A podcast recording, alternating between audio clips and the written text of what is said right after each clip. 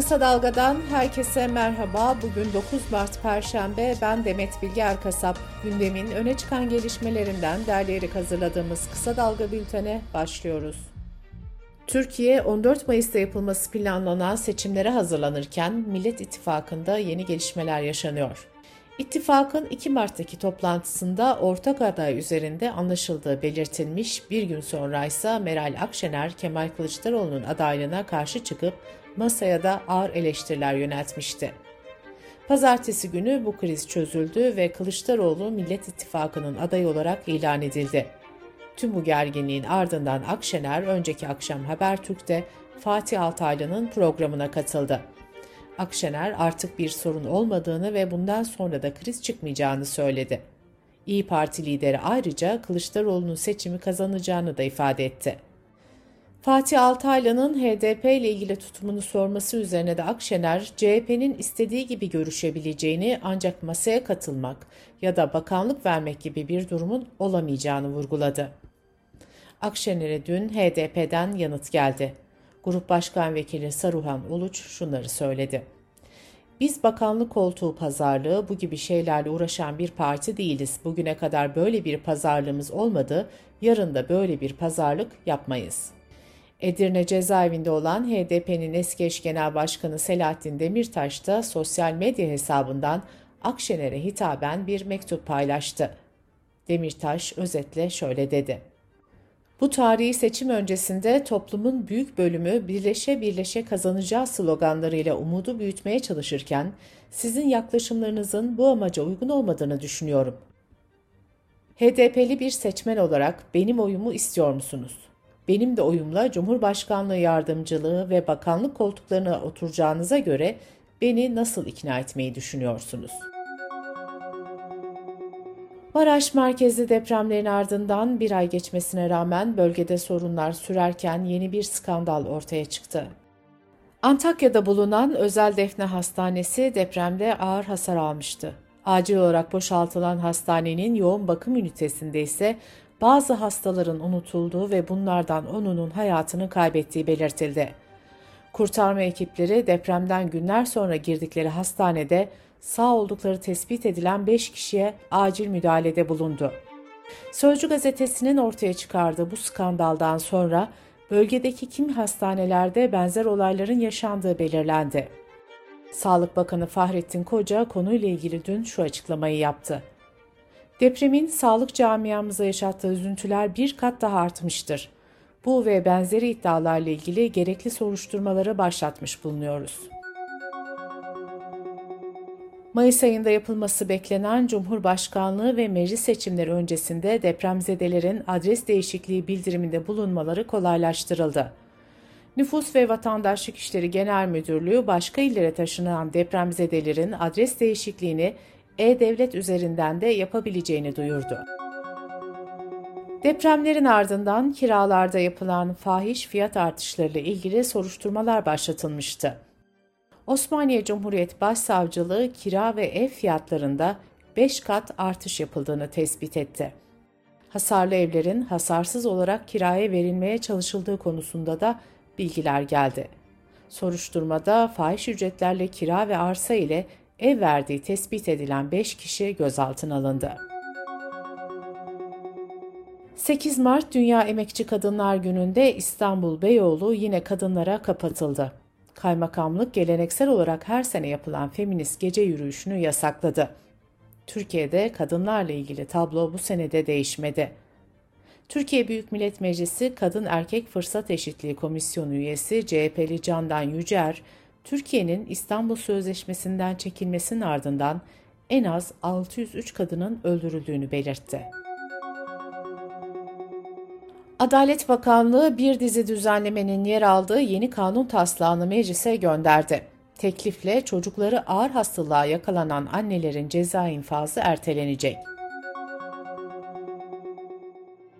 Teklife göre uyuşturucu madde imal ve ticareti suçu için görevlendirilen soruşturmacılar kamuya açık yerlerde ve iş yerlerinde ses veya görüntü kaydı yapabilecek.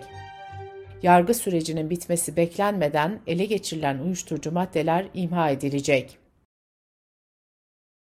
Göçmen kaçakçılığı suçuyla daha etkin mücadele için ceza alt sınırı 3 yıldan 5 yıla çıkarılacak.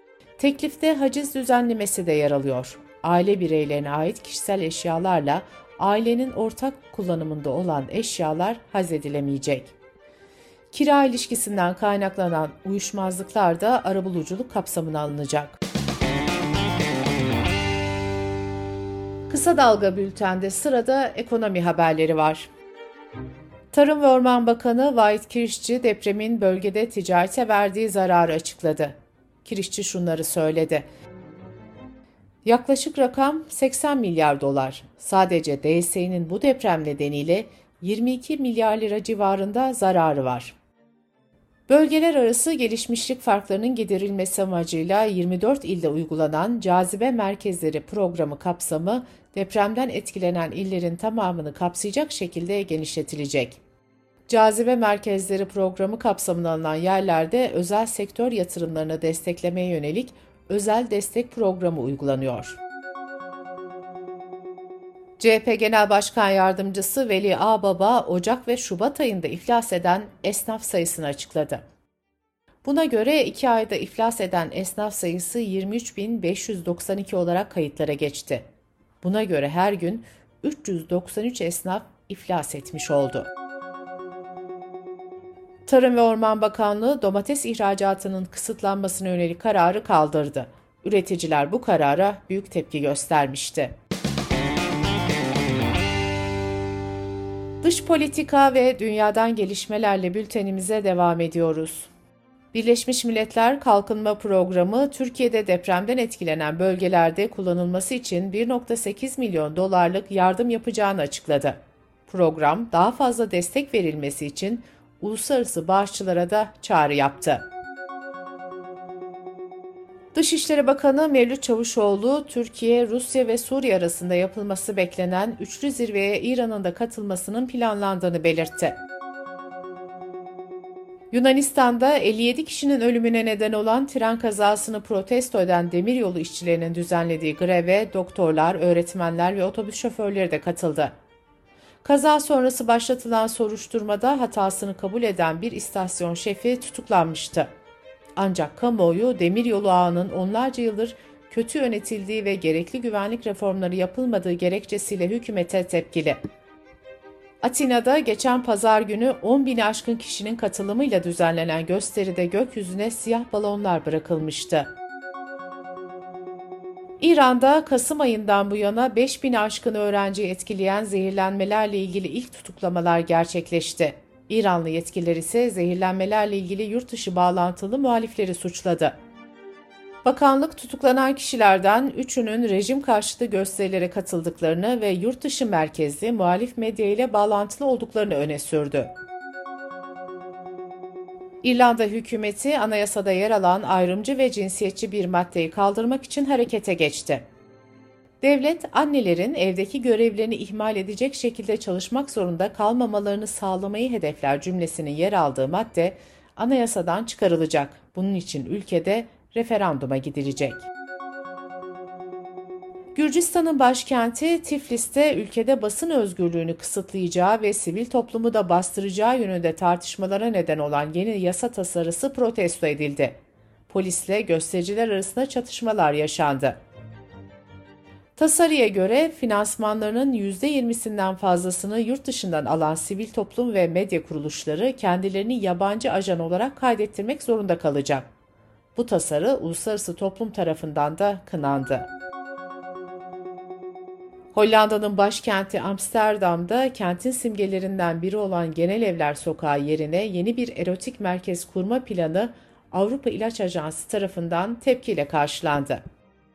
Ajans yeni seks merkezi nedeniyle uyuşturucu ticareti, sarhoşluk ve taşkınlık gibi olumsuzlukların yaşanmasından endişe ediyor. Belediye başkanına göre ise yeni erotik merkez suçun daha az hakim olduğu seks işçiler için daha güvenli bir yer olacak.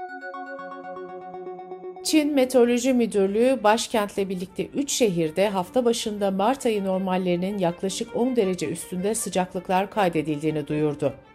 Güney yarımkürede bulunan ve sonbahar mevsimini yaşayan Arjantin'de ise rekor olduğu belirtilen sıcaklıklar kaydedildi. İngiltere Meteoroloji Kurumu 2023 yılının kayıtlara geçen en sıcak yıllardan biri olacağını öngörmüştü. Bültenimizi kısa dalgadan bir öneriyle bitiriyoruz. Gazeteci Yeşim Özdemir'in deprem bölgesindeki kadınların sorunlarını ele aldığı podcast'ini kısa dalga.net adresimizden ve podcast platformlarından dinleyebilirsiniz. Gözünüz kulağınız bizde olsun. Kısa Dalga Medya.